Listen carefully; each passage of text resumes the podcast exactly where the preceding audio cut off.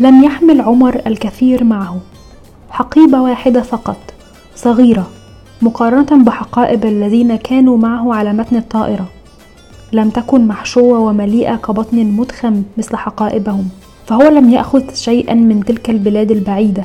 البلاد التي يريد أن يبتعد عنها ويكون أبعد ما يكون لم يأخذ شيئا من البلاد التي أخذت منه ولم يكن يرغب أصلا بأن يحتفظ بأي شيء منها. بل يريد أن يستأصلها من ذاكرته مثلما استأصلت هي ما استأصلته منه. كان قد عزم على أن يتخلص من الملابس التي جلبها معه في حقيبته حلما يتسنى له أن يشتري ملابس جديدة. وحتى الحقيبة نفسها ذات الحقيبة التي كان قد حملها من بغداد إلى عمان سيتخلص منها أيضا ليبدأ من جديد. الشيء الوحيد الذي سيحتفظ به هو القرآن الصغير الذي أعطته إياه أمه حين ودعته. لم يكن يدرك في تلك اللحظة لكنه سيكتشف فيما بعد مرارا أن الرأس حقيبة والقلب أيضا وإنهما يحملان ويختزنان ما لا تحمله مئات الحقائب ولا يمكن إفراغ ما فيهما والتخلص منه أو منهما بسهولة. هكذا كتب سنان أنطون في أحدث رواياته خزامة. في حلقة النهاردة من بودكاست سرديات هنناقش الرواية مع دكتور سنان. هنتعرف أكتر على كواليسها والأفكار اللي هو بيناقشها فيها. هنتكلم عن الذاكرة والوطن وعلاقتنا بيهم وعلاقتنا بالزمان والمكان خاصة وإحنا بعيد عن الوطن. هنتعرف أكتر على علاقة دكتور سنان أنطون بالمكان ذكرياته عن بغداد وعلاقته بالقاهرة وتجربته في الولايات المتحدة. خزامة عمل أدبي بديع. خلال الحوار شبهت عملية القراءة زي بالظبط عملية تركيب بازل كل صفحة من صفحات الرواية بتخلينا نكمل جزء من الصورة ومع انتهائنا من الرواية بيتضح لينا الصورة كاملة. وبنحس إن إحنا عايزين نقراها من أول وجديد.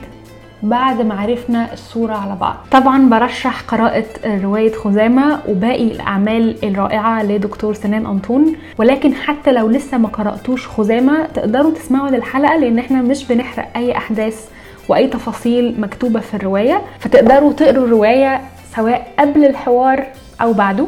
ما تنسوش تعملوا تقييم للبودكاست على المنصة اللي بتسمعوا عليها أو تكتبوا لي تعليق على قناة اليوتيوب لو أنتوا بتشوفوا الحوار على يوتيوب. وبتمنى إنكم تقضوا وقت ممتع سواء خلال قراءة الرواية أو الاستماع للحوار. أول حاجة طبعا أهلا وسهلا بحضرتك. القاهرة نورت. والبودكاست نور. أنا سعيدة جدا منور بوجودك. باجري حوار مع حضرتك. يعني مش كل يوم القارئ بيجي له فرصة إن هو يقابل الكاتب المفضل بتاعه وكمان يحاور الكاتب المفضل بتاعه. ف... لا أنا سعيد جدا وشرف. فرصة يعني أنا ممتنة جدا ليها. والنهاردة عندي أسئلة كتير بس عايزة إن إحنا نركز بالأساس على خزامة الرواية الأحدث. وممكن ننطلق منها لموضوعات تانية ممكن إنها تتقاطع مع أعمال سابقة لحضرتك أو موضوعات بتشغل بال حضرتك عموما. في خلال الحوار هنتكلم على موضوعات مختلفة و... وقضايا مختلفة بس خلينا نبدأ ب... بالرواية زي ما قلنا. وأول انطباع جالي وأنا بقرأ الرواية دي قد إيه هي فيها كده زي لعبة مع القارئ إن إحنا بنمشي في الأحداث بشكل وإحنا بدون تسلسل آه زمني. آه وشعرت وأنا بقرأ الرواية أكنه إحنا بنحاول إن إحنا نركب بازل بيتضح الصورة بتاعته في النهاية مع آخر صفحة في الرواية وإحنا بنقفل آخر صفحة. فلو حضرتك تكلمنا شوية عن البناء بتاع الرواية والكواليس لكتابه عمل زي كده لأنه أظن إن هو أكيد معقد جدا آه بناء هذا هذا العمل وبكل التفاصيل ديت. طبعا اولا شكرا جزيلا على الحوار وأنا سعيد جدا آه انه يكون الحوار بينا وأنا بتابع شغلك فسعيد ومسرور جدا ولي الشرف. آه بالنسبة للرواية طبعا البنية والتركيب ده تحدي كبير جدا يعني. أنا يعني دائما أفضل إنه طبعا يكون هناك تناغم بين البنية والتركيب والمحتوى. ففي البداية بما أنه هناك شخصيتان يعني فكان هناك خيارات الخيارات المطروقة والمطروحة دائما أنه ممكن الشخصية واحدة تحكي قصتها كاملة وثم تبدأ الشخصية الأخرى تنقسم الرواية لقسمين أو آه، فصول آه، تتناوب مع أحيانا الروائي يضع اسم ال- ال- الشخصية. يعني أنا لا لا أفضل أن أصعب آه، كل شيء على القارئ ولكن أيضا آه، أعتقد أن القارئ القراء أذكياء وهم آه، نعمل سوية على تشكيل القصة. بعدين فكرت إن بما ال- المناخ واساسا الشخصيات عندها إشكاليات في التعامل مع الماضي وترتيب الأحداث لأسباب مختلفة مم.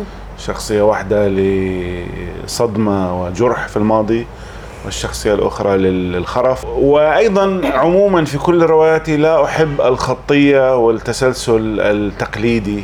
آه، لأنه أساسا آه، تعاملنا مع مع الذاكرة هو تعامل آه، انتقائي. ولا لا يحتكم لتسلسل خطي ففي النهاية است يعني استقريت على إنه يكون هناك تداخل في الماضي وال- وال- والحاضر وتداخل بين تأملات الشخصيات. وحاولت أبني يعني تصاعد درامي يؤدي إلى ال- النهاية اللي انت تكلمتي عنها. آه مش عايزين آه، نحرق أحداث الرواية للأشخاص اللي ممكن يكونوا بيتابعوا لسه ما قرأوش العمل. طبعا. بس حقيقي كل كل يعني بعد الانتهاء من الرواية كنت حاسة إن أنا عايزة أرجع بقى أعيد قراءتها وأنا خلاص عارفة ال- النهاية أو عارفة المعلومة يفرحني كثيرا. الأخيرة. فده شيء يعني شكرا. شعور أظن إن هو مش بيجي مع كل الأعمال الأدبية اللي إحنا بن بنتلقاها. لا ده. يعني آه، إطراء كبير جدا. أشكر حضرتك. يعني ده ده أقل شيء. آه، أنا السؤال اللي بعد كده مرتبط بعلاقتنا بالمكان والزمان اللي بيتقاطعوا في الرواية بشكل مم. ما. وإنه إحنا زي ما حضرتك أشرت عندنا شخصيتين عمر اللي بيحاول إن هو يهرب من كل الماضي والمكان المرتبط عنده بذكريات سيئة وعايز يمحو الماضي ده تماما والشخصية الثانية اللي عنده حنين آه، بشكل ما. وعنده صعوبة إن هو يسترجع ذكريات آه، الماضي فلو ممكن حضرتك تحكي لنا أكتر عن الثنائية دي آه وسؤالي المرتبط بده آه فكرة الثنائيات في أعمال حضرتك اللي ممكن مم. يبقى كل شخصيتين كل حد عنده قصة مختلفة لكن بيتقاطعوا بشكل ما يعني شفنا ده في فهرس برضو آه فلو ممكن حضرتك تكلمنا أكتر عن الفكرة آه، طبعا ممكن ال ال يعني أنا من زمان أفكر بموضوع وأقرأ عن هذا الموضوع إنه إحنا بنفكر بإنه ال ال ال المكان ثابت أو الذاكرة ثابتة لكن في الحقيقة. صورة الإنسان عن المكان تتغير وب وبذلك المكان سيتغير. وطبعا ال ال الأماكن اللي تمر بحروب ودمار وخراب آه، التغير يكون تغير شديد جدا. بدأت الثنائيات في في رواية يا مريم وهناك آه، آه، تشابه بشكل ما بين رواية يا مريم وبين رواية خزامة لأنه رواية يا مريم تتعامل مع شخصيتين أيضا تعيشان في نفس البيت وفي نفس المكان لكن النظرة تختلف كليا. آه، يعني بالنسبة لي هذا الأمر واضح جدا ولكن ما حدث في العراق بالذات في في العقد الأخير. آه، بين لي أن الموضوع ده مهم جدا. آه، وكأنه دفعني إلى أن يكون هذا تكون هذه الثيمة موجودة في الرواية. أنه السجالات بين العراقيين هي موجودة في كل المجتمعات لكن تصبح أكثر حدة آه، في مجتمع يمر بأحداث جسام معقدة. فالجدالات الموجودة بين العراقيين من مختلف ال- الانتماءات والتوجهات عن الماضي. ماذا يمثل الماضي؟ والناس تتحدث عن آه، الزمن الجميل وزمن الخير. لكن طبعا في كل مجتمع ما يسمى بزمن الخير أو الزمن الجميل. آه، كان جميلا لطبقة معينة أو لفئة معينة أو لشريحة معينة وكان جحيما لل- للفئة الأخرى. وطبعا أنا أعيش في منذ 30 سنة في الولايات المتحدة وموضوع الهجرة وال وموضوع اللجوء في السنين الأخيرة. وطبعا التناقض أيضا في ردود الفعل بين ال- الناس مثل المواطنين مثل ما مثل ما هو الحال في أوروبا. بين ال- الاحتضان آه، آه، الجميل الذي يحدث أحيانا وبين ال- القبول المتردد وبين الخوف وبين الرهاب. وطبعا آه، ردود فعل أو الاستراتيجيات التي يتبناها اللاجئ أو اللاجئة في المجتمع الجديد تتراوح. وتعتمد على المز- المزاج والأيديولوجية. فهناك من آه، يتماهى أو يسعى إلى التماهي كليا مع المكان الجديد. وهناك من يحاول أن يراوغ أو يناور أو يحتفظ بشيء من الهوية الثقافية بدون ذوبان. فعملية معقدة جدا. يعني طبعا أنا اخترت الشخصيتين لأنه آه، تناقض موجود في مثل ما ذكرتي. محاولة محو كل شيء والبدء بداية جديدة وهذا موجود وأنا شاهدته وأعرف أناس غيروا اسمهم و وحاولوا أن يمحوا الماضي وأناس يتشبثون.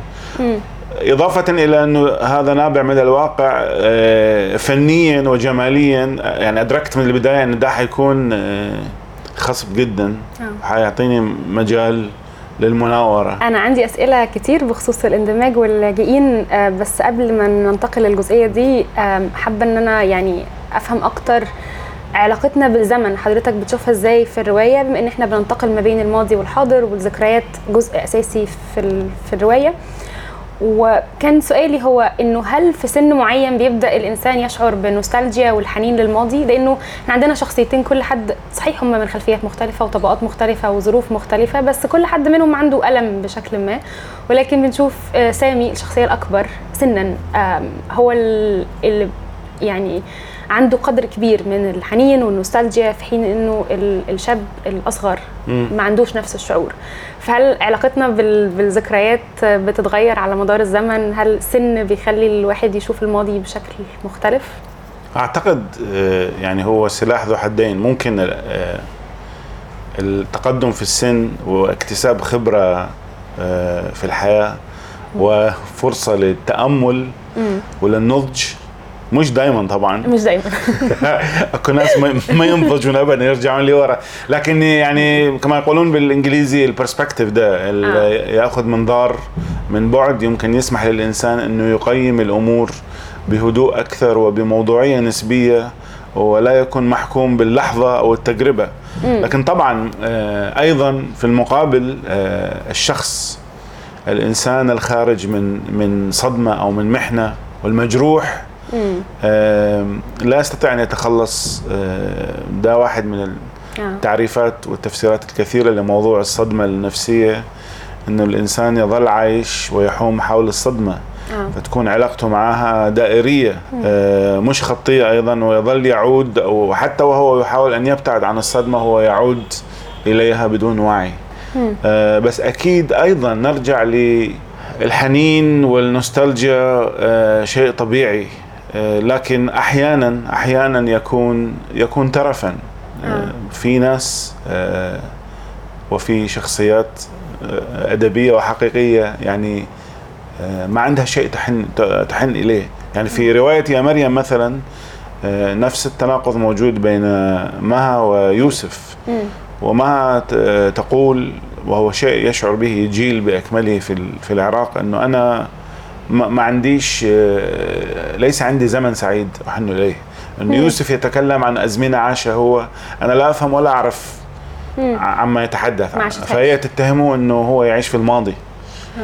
فاحيانا آه، يكون ترف إنه الواحد يعيش في الماضي هناك ناس صعوبة وضعهم وتعقيد التعقيد العاطفي والنفسي لا يسمح لهم إنه مم. يخرجوا من الحاضر ويحنوا إلى الماضي الغير موجود في مع... أو غير الموجود في معظم الأحيان غير الموجود بالصورة التي يسترجعها الإنسان آه. الغريب وده الآن مثبت علميا يعني بين أقواس إنه آه، استرجاعنا للذاكرة نحن نعمل تحرير آه. وننتقي ونغير وحتى ذكرياتنا تتغير بمرور الزمن مم. وهل بشكل شخصي ذكريات حضرتك عن بغداد تغيرت بمرور الزمن بعد سنوات كتير آه، بعيد؟ هي تغيرت أنا يعني لأني مهتم بالموضوع ده منذ فترة طويلة يعني ادبيا ولكن حتى في دراستي الأكاديمية كان تخصصي في الأدب العربي لكن أخذت آه، كورسات في في علم النفس وفي النظرية الأدبية وفي موضوع التاريخ. آه، ولما أقرأ عن كتابات ال أو أقرأ كتابات ال- الكتاب والشعراء الذين اضطروا إلى أن يتركوا البلدان ويعيشوا 20 و30 و40 سنة برا. في دائما هناك حذر من ال ال ما يسمى الحنين الاسترجاعي. والحنين التأملي. الحنين الاسترجاعي اللي هو إشكالي ع- لأنه يحاول أن يسترجع أشياء مثل ما كانت. لكن حنين التأملي هو الشاعر العراقي آه، سعد يوسف اللي أنا بحبه. وترجمت له لل- للإنجليزي. عنده قصيدة جميلة جدا اسمها أي هذا الحنين يا عدوي. وهو في الحوارات يقول إن الحنين آه، قد يؤثر على عمل الشاعر وال- والفنان. وفعلا هناك آه، آه، كتاب وأدباء يعني حينحبسوا في قفص معين من فالذكريات أنا فأنا عودة لإجابة سؤالك بشكل مباشر إن كان عندي وعي إن الإنسان لما يبتعد حتكون ذاكرة انتقائية ولازم دائما يذكر نفسه إنه المكان اللي تركه تغير. طبعا يحاول ان أن يطلع على الأخبار ويطلع على على الحقيقة.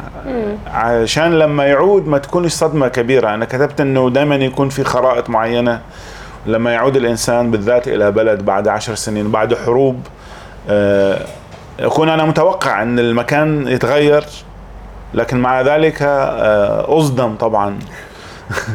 لكن لا أعبر عن هذا لأنه طبيعي انه الإنسان آه، المكان تغير كثيرا. ويمكن آه، لأن أصبحت أنا تقدمت في العمر أيضا صار عندي نظرة أو أحاول أو أعتقد انها أكثر عمقا لذكريات معينة ومعانيها.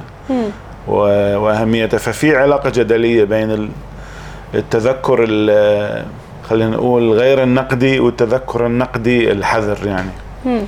عقدنا الموضوع عقدنا جدا الموضوع جدا.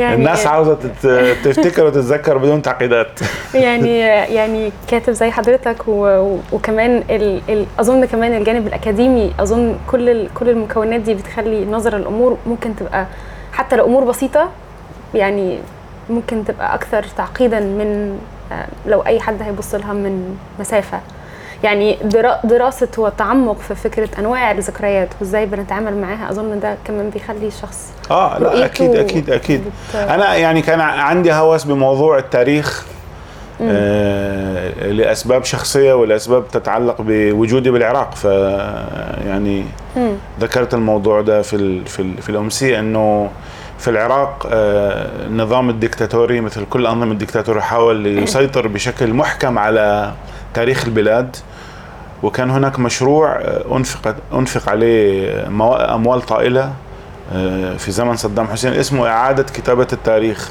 آه. وإعادة كتابة تاريخ العراق من منظار بعثي آه، فموضوع بعدين لما كنت عايش في بغداد في زمن الدكتاتورية والحرب لكن كان هناك مهرجانات آه، ثقافية وأدبية آه، يأتي إليها مئات الأدباء العرب والأجانب لطبعا ترسيخ وإنتاج خطاب لا علاقة له بالواقع اللي اللي إحنا آه. نعيشه فموضوع تزييف التاريخ حتى قبل الدراسة الأكاديمية آه، وبعتقد للأسف أنا أحيانا أقول لل للأجانب إنه إذا هناك ميزة واحدة لأن يعيش المرء في ديكتاتورية إنه هو يكون عنده نقد وشك بالسليقة بالخطاب الرسمي.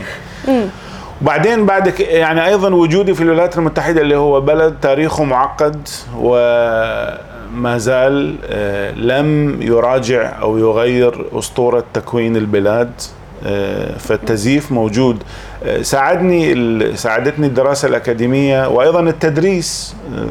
ولو في البداية كنت يعني أشتكي انه التدريس بياخذ من من وقت الكتابة لكن حاولت أختار إني أدرس موضوعات مثلا آه، موضوع عن آه، آه، سياسة التاريخ وشعرية التاريخ آه.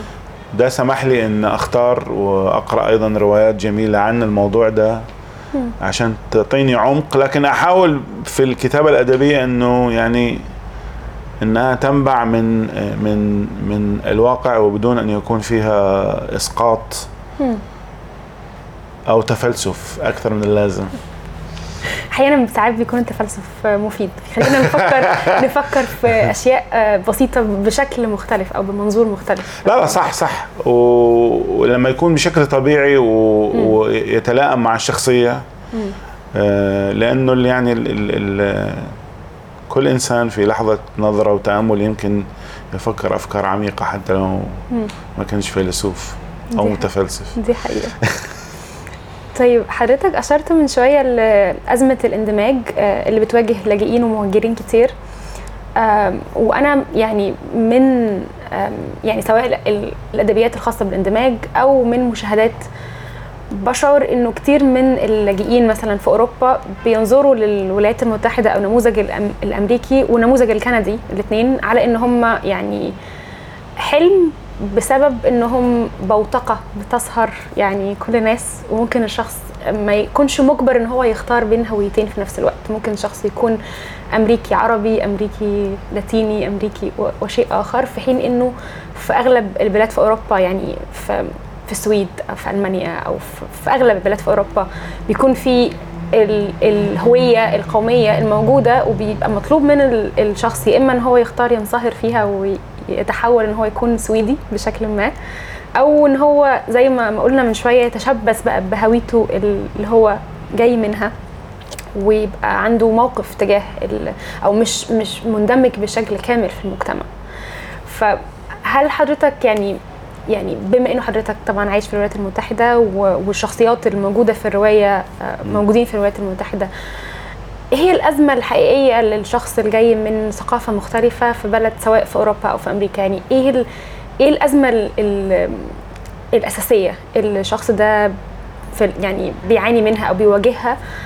آه، خاصة مع سياقات مختلفة وسياق سياق زي المجتمع الأمريكي اللي مختلف عن طبيعة المجتمع الأوروبي مم. في النقطة دي بالذات. يعني أنا سمعت من كثير من الأصدقاء ومن الناس اللي كانوا مهاجرين في أوروبا وبعدين أصبحوا مهاجرين في الولايات المتحدة ومعظمهم يقولون إنه عموما عموما. الولايات المتحدة أو أماكن فيها أكثر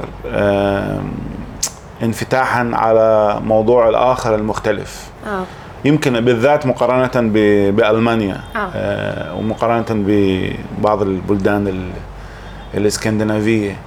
لكن في يعني لا أريد أن أكون متشائم وسلبي لأن هناك أسطورة وم- ومثل كل الأساطير جزء من الأسطورة حقيقي ومعظم الأسطورة خيال إن البلد الأمريكا بلد طبعا يسمى بلد المهاجرين وده جزء من الأسطورة القومية لأنه هو بلد آه، بلد الاستيطان الاستعماري.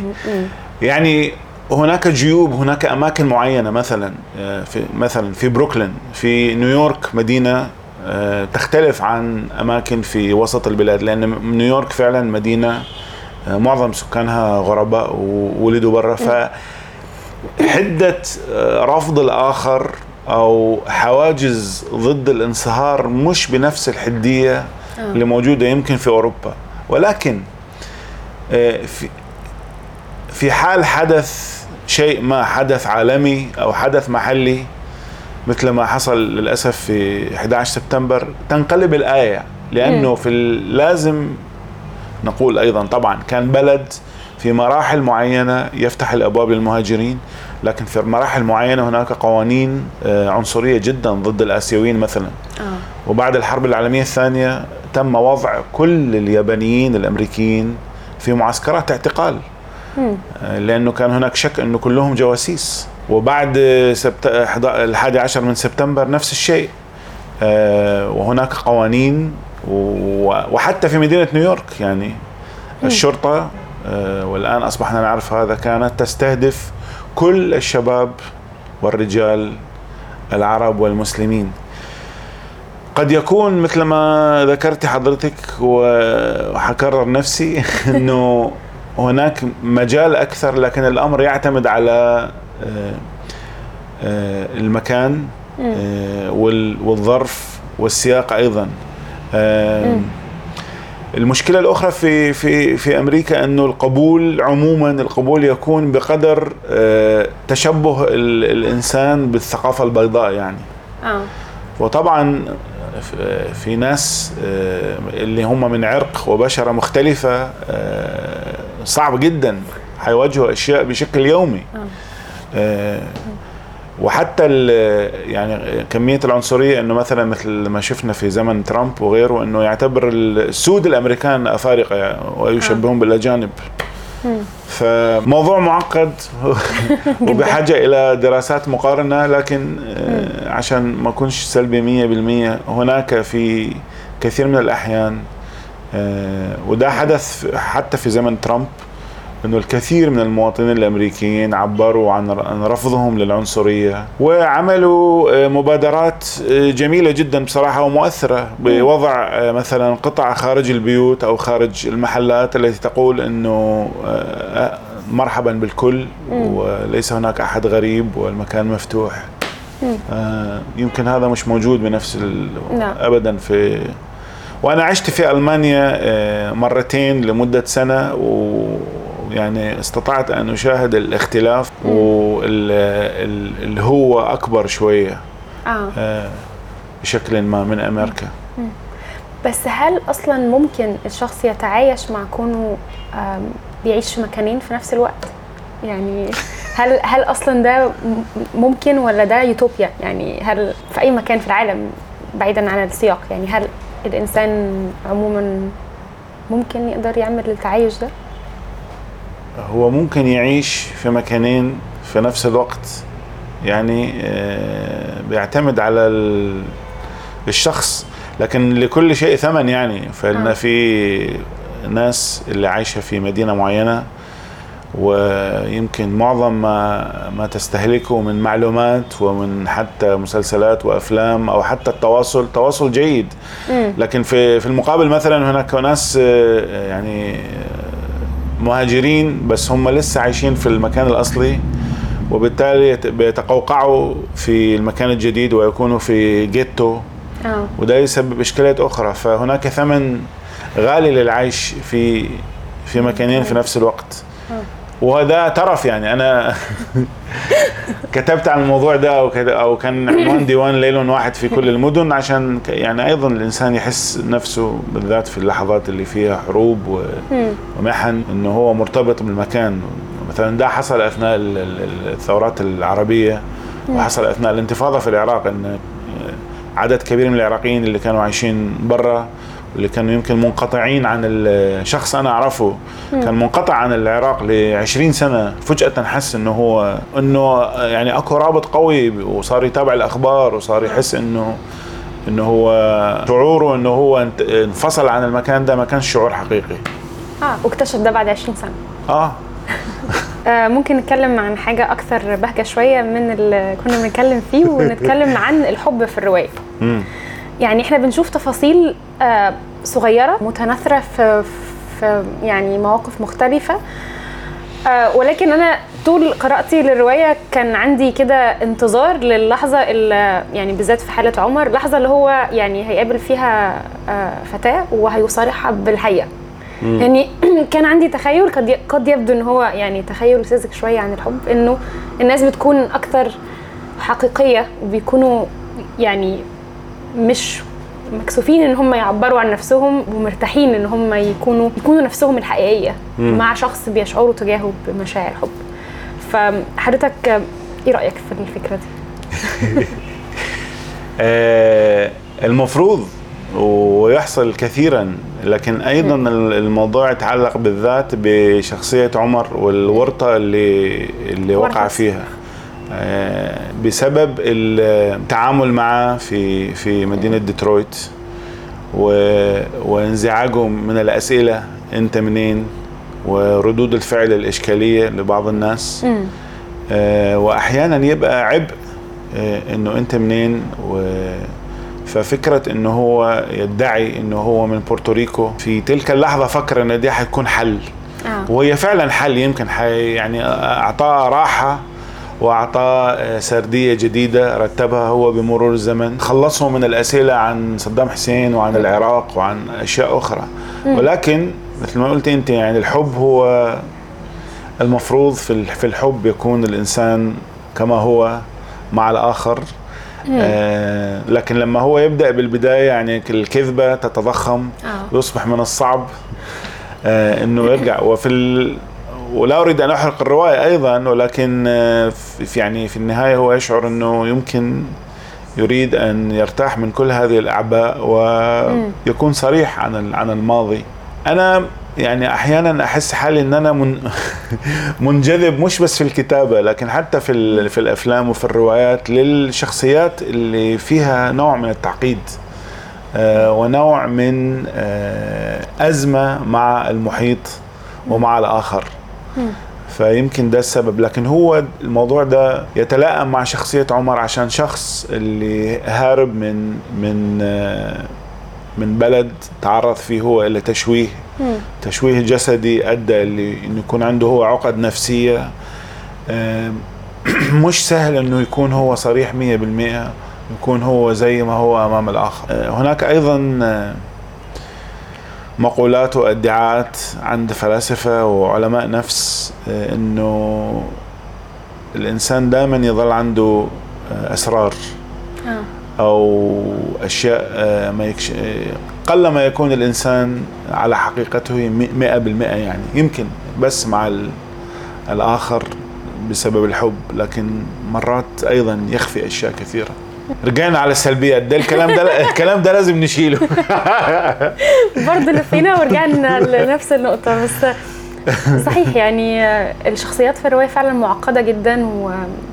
ولها جوانب كتير وأظن زي ما حضرتك كمان أشرت امبارح في في أمسية إطلاق الرواية إنه مشاعر حادة جدا يعني في في كده جرعة كبيرة من المشاعر اللي إحنا بنبقى يعني عندنا مشاعر مختلطة تجاه كل شخصية متعاطفين جدا معاهم وفي نفس الوقت بنحس بكل الانفعالات حتى لو بسيطة حتى لو في لحظة حب صغيرة بس إحنا عارفين الخلفية للشخص ده إنه حتى لما لما هيتعرف على فتاه وهيشعر تجاهها بمشاعر حب. إحنا عارفين القصة اللي هي مش عارفاها فإحنا يعني قادرين قادرين نفهم الموقف اللي هو فيه. ف يعني تعقيد الشخصيات أظن كان من أكتر الحاجات الممتعة اللي بتخلينا نرتبط بالشخصيات ونبقى يعني نسأل حضرتك السؤال اللي أكيد حضرتك بتتلقاه كتير في أعمال سابقة. يعني إيه اللي بيحصل للشخصية بعد كده؟ يعني حياتهم مكمل إزاي بعد ما قفلنا الكتاب وخلصنا آه. آخر اخر صفحة؟ يعني بنبقى قلقانين عليهم عايزين نطمن عليهم في المستقبل. أنا لا أعرف للأسف ده أنا فعلا بسأل بالذات على آه، شخصية جواد في آه. في واحدة شجرة الرمان لكن آه، يعني اللي اللي حاولت أوصله أيضا بالنسبة لجواد مثلا إنه إنه هو حيستمر في وما فيش نهاية آه. وما فيش نهاية مريحة للقراء لأن ده الحال بالنسبة لملايين البشر آه بالنسبة للرواية لرواية خزامة يعني لا أستطيع أن أجيب على السؤال 100% لأنه سيحرق النهاية ولكن آه، النهاية مقصودة آه، بالشكل ده لأنها جماليا بالنسبة لي النهاية الأنسب وهذا هو الأهم. لكن آه، أخذين بنظر الاعتبار ثيمات الرواية اللي هي مواجهة الماضي وضرورة مواجهة الماضي والاصطدام بالماضي والاصطدام بالحقيقة برأيي يتطلب نهاية من النوع ده اللي أيضا هي ست آه، تحث القارئ على أن يفكر بهذا الموضوع. آه، آه. بدلا من النهاية التي تحل تحل فيها كل العقد أنا أيضا لا أحب هذه النهايات في في الأفلام وفي الروايات. ما يسمى بالريزولوشن اللي هي التقليدي جدا. ولو اخذنا أخذنا الموضوع لإطار أكبر اللي هو الإطار المجتمعي والسياسي إنه إغلاق الملفات عموما وفي كثير من الأحيان هو إسكات أو تهميش أو إلغاء أصوات آه، ضحايا التاريخ. والتاريخ الرسمي المؤسساتي لديه قدرة على ابتلاع الحكايات أو حتى إسكات الحكايات بدعوى أننا نغلق الملف ونسير وننسى اللي كان. أيوه نقفل بقى الصفحة اللي فاتت آه. ممكن أحيانا لكن عموما عموما إقفال الصفحات والمضي قدما يكون هو إسكات الأصوات. وعدم مواجهة الماضي معق... تم تهميش فئات أو شرائح أو أشخاص. طيب أنا سؤالي اللي بعد كده مرتبط بده. حضرتك بتقول في الرواية كل علوم الأرض لن تفسر لماذا يتفانى كثير من الذين يمشون عليها في محق بعضهم البعض.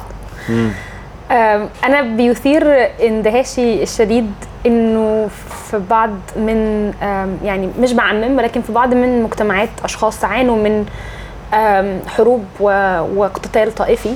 بيثير جدا يعني تساؤل إنه حتى بعد هذه التجربة المؤلمة والصعبة بعض الأحيان بيبقى لسه في ترسبات من ومحاولة تصنيف الآخر ومحاولة التعامل مع الآخرين حتى من نفس المجتمع ونفس البلد.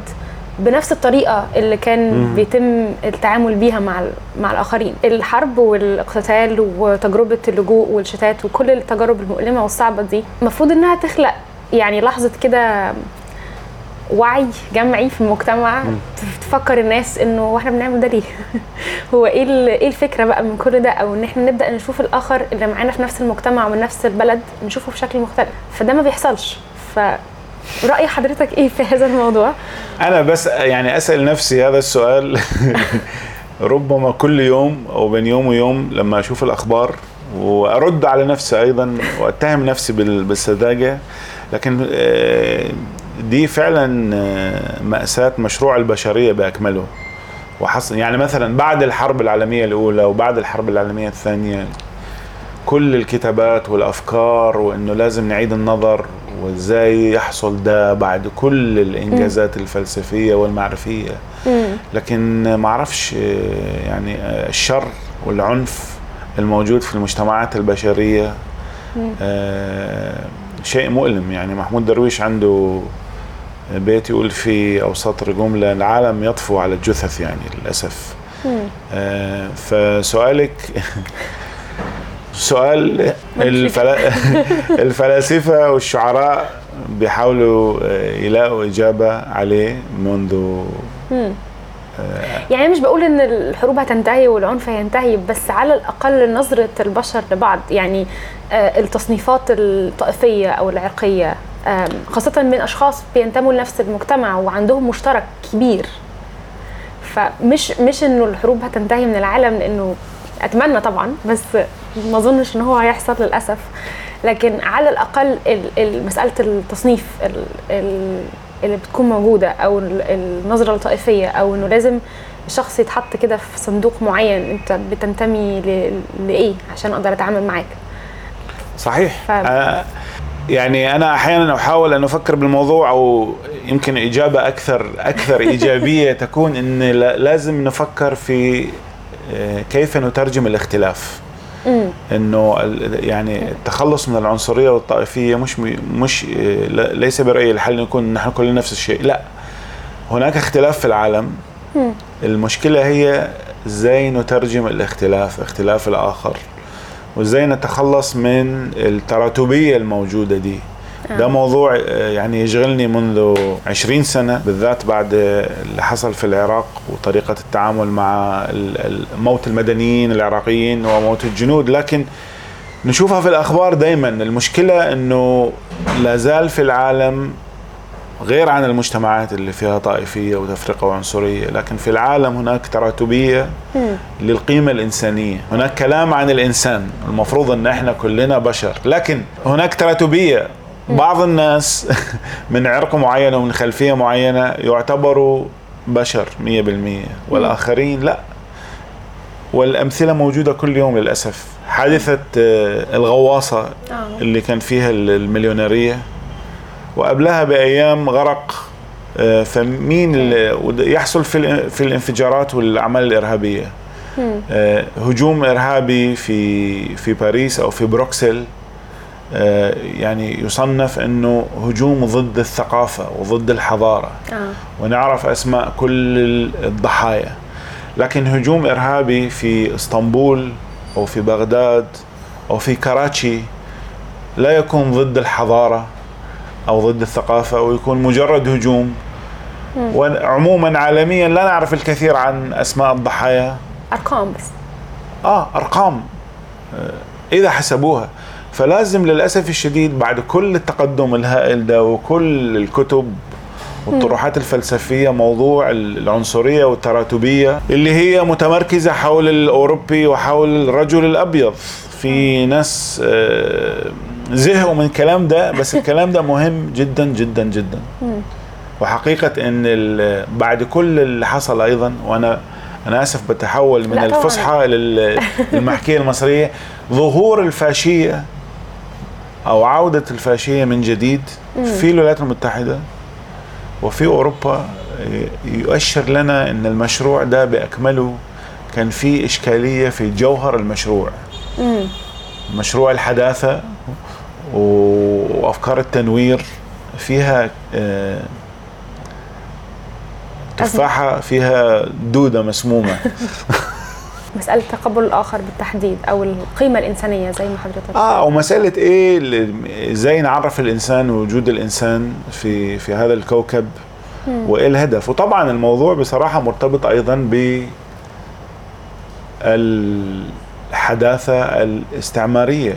الفكرة اللي الأفكار اللي انصهرت واللي تطورت قبل 500 سنة مم. واللي فيها يعني 1492 مم. فكرة آه، الخروج إلى العالم والاستحواذ على الأرض وتحويل العالم إلى آلة للإنتاج. وفكرة أن الإنتاج عجلة الإنتاج تستمر والتراكم ده والربح وشايفين دلوقتي إحنا رايحين فين في الفكرة دي فكرة اغتصاب الأرض واغتصاب الهواء واغتصاب الماء وأن كل شيء يجب أن يسخر لعظمة الإنسان. آه. أصبح الإنسان هو في مركز الكون. يعني في مقولة إن نسيت بالضبط لمين لكن بما معناه إنه كان ال ال ال الإنسان يخاف من من الله. مم. الآن ال ال الإله يخاف من الإنسان. مم. بمعنى ما. إحنا ابتعدنا عن البهجة يعني هنحاول نرجع لها. السبب. هنحاول نرجع للبهجة مرة تانية يعني مع إنه السؤال الجاي يعني مش كله بهجة بصراحة خلال الرواية شفنا شفنا بغداد آه، من خلال طبعا الذكريات اللي بيسترجعها. الأشخاص شفناها يعني بشكل شفناها مدينة متألمة مم. وحزينة بشكل ما فهل إحنا ممكن نشوف بغداد أكثر بهجة في أعمال حضرتك القادمة؟ هل هناك يعني أمل حتى لو يعني أكثر قليلا من الوضع ال- الحالي والرواية ال- اللي إحنا بنناقشها النهارده؟ آه، ممكن. ممكن. آه، أنا ناوي أكتب آه، أكتب السيرة الذاتية يمكن. آه، لكن بما أنه إحنا تكلمنا عن التراتبية يعني أنا مهووس وده هوس إيجابي بموضوع ال- الانحدار الطبقي للإنسان. آه. يعني المشكلة إن مش مشكلة أنا بكرر كلمة مشكلة. كان في مناطق جميلة جدا في بغداد. مم. وأحياء وشوارع كنت أنا أحب المشي فيها وجميلة جدا. مم. الأحياء دي كانت أحياء طبقات معينة. آه، بصراحة لم تكن متاحة للجميع أو اللي كانوا يروحوا يمشي فيها مش منها. في نفس الوقت كان هناك آه، أحياء بائسة جدا. فطبعا آه، إن شاء الله حيكون في آه، لأن أنا يعني أعتبر نفسي كما قلت لواحد سألني أن أنا خلصت الشوط الأول بما إن أنا بحب كرة القدم وهناك شوط ثاني فهناك روايات كثيرة إذا مم. عندي الوقت فأكيد آه، ضروري جدا استرجاع لأن في, في نفس الوقت يمكن حناقض نفسي آه، لازم آه، يع- يعرفوا اللي ما يعرفوش أو من الأجيال الجديدة إنه أنا حرجع على السؤال السابق على موضوع إنه إنه كان هناك تعايش نسبي وإنه إحنا مش قدرنا إنه نكون طوائف متقاتلة وإنه ده نتاج لأفعال سياسية ولتاريخ. وكان هناك زمن آه، قياسا بالحاضر هو زمن أجمل مع هامش لطبقات معينة ولفئات معينة. لكن أنا أكيد أنا بحب أحت- أحتفل ب بذكريات جميلة معينة عن عن مدينة عن بغداد عن مكانات في بغداد. والناس اللي عايشين في بغداد الآن مثل ما في المدن الأخرى اللي تمر بظروف صعبة. طبعا اللي يحاولوا أن يبحثوا عن جمال موجود. أنا بعض الناس اللي بتابعهم من الشباب والشابات في في بغداد اللي بحب أظل على تواصل معاهم بيصوروا يلتقطوا لحظات جميلة وأماكن جميلة في بغداد لأن ده موجود في أي مكان في العالم. هل انتفاضة تشرين غيرت شيء في فكرة تذكير الناس خاصة الشباب في إنه نقطة اللي حضرتك أشرت ليها؟ مش قدر أهل هذه البلد والمدينة إن هم يكونوا آه، مختلفين أو إن هم يعيشوا في في آه، جزر منعزلة ويكونوا طوائف يعني هل هل حصل تغيير ما خاصة في الأجيال الأصغر؟ أه بعتقد أثناء ال- الانتفاضة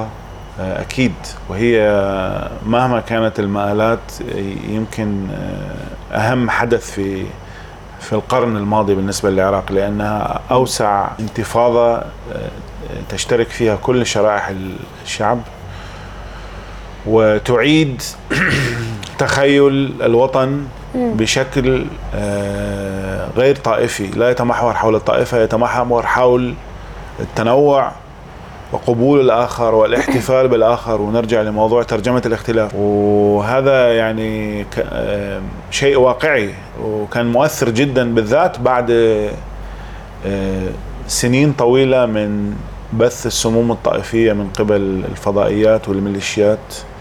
فكانت لحظة مهمة آه، أثبتت أن الجيل الجديد أدرك آه، أنه ال- ال- اللعبة انتهت. آه، وهذا مهم جدا ومهم مثل كل الانتفاضات إنها بذرة للمستقبل، لكن للأسف الشديد تاريخ الثورات أيضا يقول لنا إنه دائما هناك ثورات مضادة آه، تبتلع وتدمر وتذبح. المنتفضين. فللأسف من 100 واحد ماتوا قسم منهم أصدقائنا. آه، وطبعا أعقب الموضوع يأس وهروب الكثير من الناشطين. لكن برأيي إن ده أيضا حدث وبذرة للمستقبل. يثبت إنه في لحظات معينة ممكن إن الشعب يتذكر بانه شعب قد الأشياء اللي تجمعه أكثر من الأشياء اللي تفرقه لكن العالم المعقد اللي إحنا عايشين فيه مرتبط ب- بتعقيدات إقليمية ودولية. فمهما كانت شجاعة فئات كبيرة من الشعب آه، تختطف الثورات وتجير وتحول تحول إلى إلى حروب أهلية أو أمور أخرى. ف لكن هي لحظة مفصلية ومهمة جدا وأثبت الجيل ده زي ما أثبتت الأجيال في ال- في في الثورات العربية إنه جيل يعرف واعي وعارف طريقه زي ما يقول آه، آه، أحمد فؤاد نجم. طيب خلينا نختتم الحوار في القاهرة. آه، من بغداد آه، نوصل للقاهرة. و عندي سؤالين. أول حاجة آم، حضرتك شاركت بعض من آه، تفاصيل في نص آه، عن ذكريات حضرتك في آم، لو ممكن حضرتك تكلمنا عن ده. وأكيد طبعا يعني حضرتك زرت القاهرة كتير. آه، في خلال السنوات اللي فاتت. آه، لو في أي مشاهدات أو تأملات حضرتك عايز تشاركها معانا في الختام. وسؤالي التاني هل ممكن في يوم من الأيام حضرتك تكتب عمل مش مرتبط بالعراق ممكن يكون مرتبط بمهاجرين عرب. آخرين في أوروبا أو في مصر في القاهرة في مكان تاني. هل ده وارد في طبعا يعني وارد. وارد؟ قريب؟ آه، اليوم ولا؟ الصبح كنت بفكر وأنا نازل من الشقة اللي أنا نازل فيها إن ممكن. ممكن. لا أنا يعني عاوز أقول بالمصري آه، في أنا محظوظ. في ناس كتير بتحلم إنها تزور القاهرة وتحلم إنها تعيش في القاهرة وهناك حقيقة آه، إن مصر آه، كانت مركز مركز للعالم الإسلامي لكن في العصر الحديث مركز آه، ثقافي. ومثل ما آه، قلت في النص إنه إحنا يعني كنا ننهل من من المكان ده وإحنا اطلعنا على الثقافة الشعبية المصرية. اطلعنا على الثقافة المصرية وكلنا تربينا يعني إمبارح كنا بنتكلم على سلسلة الاصدقاء الخمسة. فأنا لو قلت إنه أنا من طفولتي الكتب كتب الأطفال والمجلات سمير وتهتة.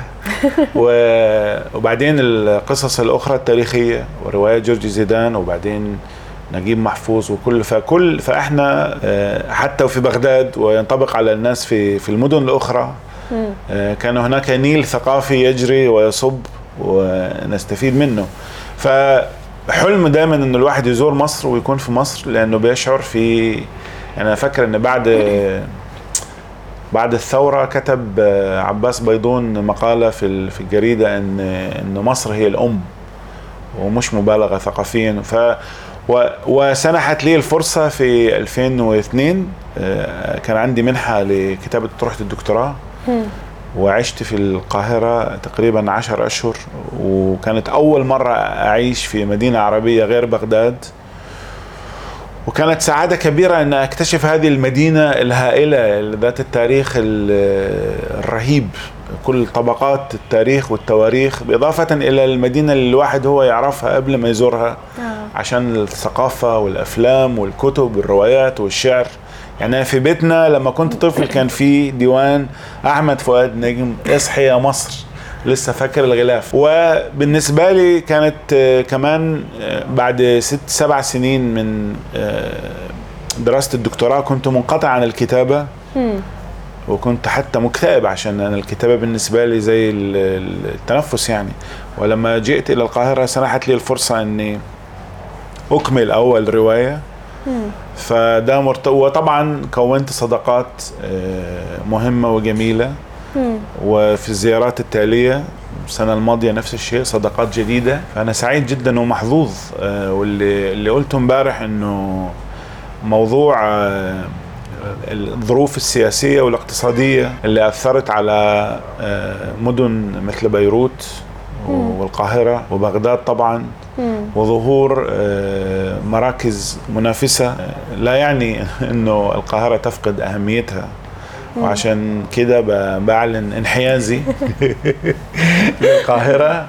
لأن الواحد آه، أيضا بالنسبة لل- لل- للكاتب لازم آه، أنت سألتي عن التقدم في العمر. الواحد لما يتقدم في العمر أيضا ينظر إلى أرشيفه الشخصي والدين اللي في عنقه للروافد الثقافية اللي أكيد منها الرافد المصري يعني. أتمنى يعني إنه نشوف آه، جايز يوم من الأيام عمل يكون في القاهرة أو تمر ممكن حتى ممكن. آه ممكن حد من أكيد. شخصياته يمر عن يعني يمر في القاهرة. يعني ده هيكون أكيد أكيد أكيد أكيد. ضروري. يا ريت أنا يا ريت أنا متفرغ عشان في أفكار كتيرة. أكيد أنا أحب إن إن يعني أنت شفتي في الرواية الأخيرة بالذات إنه صح شخصيات الشخصيتين الرئيسية عراقيين لكن في شخصية يمنية وفي شخصية سورية. لبنانية ولا ولبنانية الطبيب آه، السوري. آه، وال... لأن دي دي الحقيقة أيضا فأكيد إن شاء الله. إن شاء الله. القاهرة محظوظة بوجود حضرتك آه، لا لا لا القاهرة سعداء جدا جدا إنه يعني أنا سعيد وأنا. سعيد جدا ومهم جدا بالنسبة لي التفاعل مع مع القراء والوجود هنا و...